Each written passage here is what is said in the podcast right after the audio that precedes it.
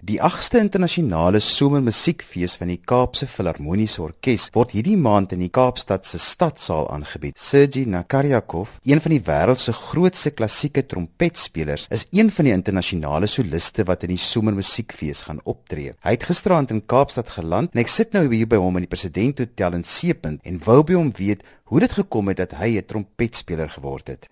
When I was nine years old, I had a heavy spine injury, and uh, I stayed for three months in a hospital. And after that, doctors told me not to sit down for half a year, so I had to abandon piano lessons. And, and shortly before before that, I tried the trumpet, which was fun. And then, since I couldn't continue my piano lessons, I focused purely on trumpet. Nakaryakov is by geleentheid as die Paganini van die trompet bestempel. I play a lot of uh, music written for other instruments. This time uh, in Cape Town, I'll be playing purely trumpet repertoire. But um, otherwise, I quite often play uh, music written for cello, violin, woodwinds, other brass instruments, uh, vocal music, lots of arrangements. And uh, the major challenge, of course, is uh, when I'm arranging, uh, when I play an arranged piece, is to, to play it in a very convincing way so the, um, this particular piece of music shouldn't lose any musical qualities comparing to the original. Maybe, on the contrary, add something else, some new colors.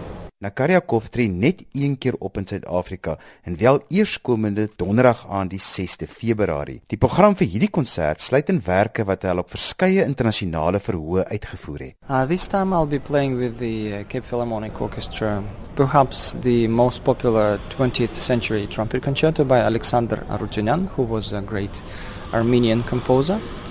Uh, it's a bright, romantic and very colorful uh, piece.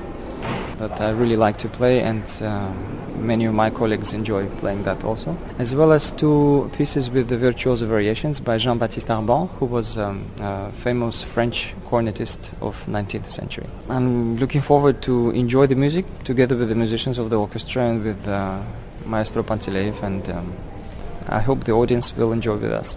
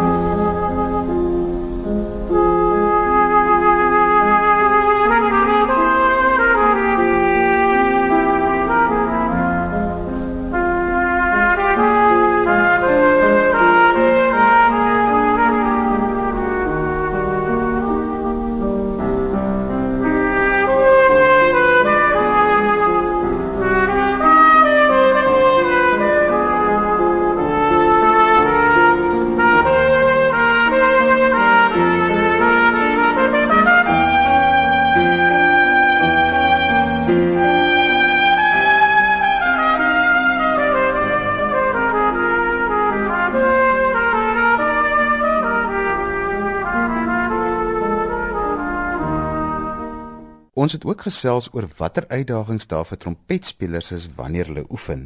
It's all about efficiency, of course. Uh, trumpet is a very physical instrument, and um, it's very easy to get tired quickly. So the most important is to achieve uh, the maximum in a very short amount of time. It's about using brain and just think about how you build your practice in advance. Obviously, uh, with years you get more experienced and. You know already how to proceed.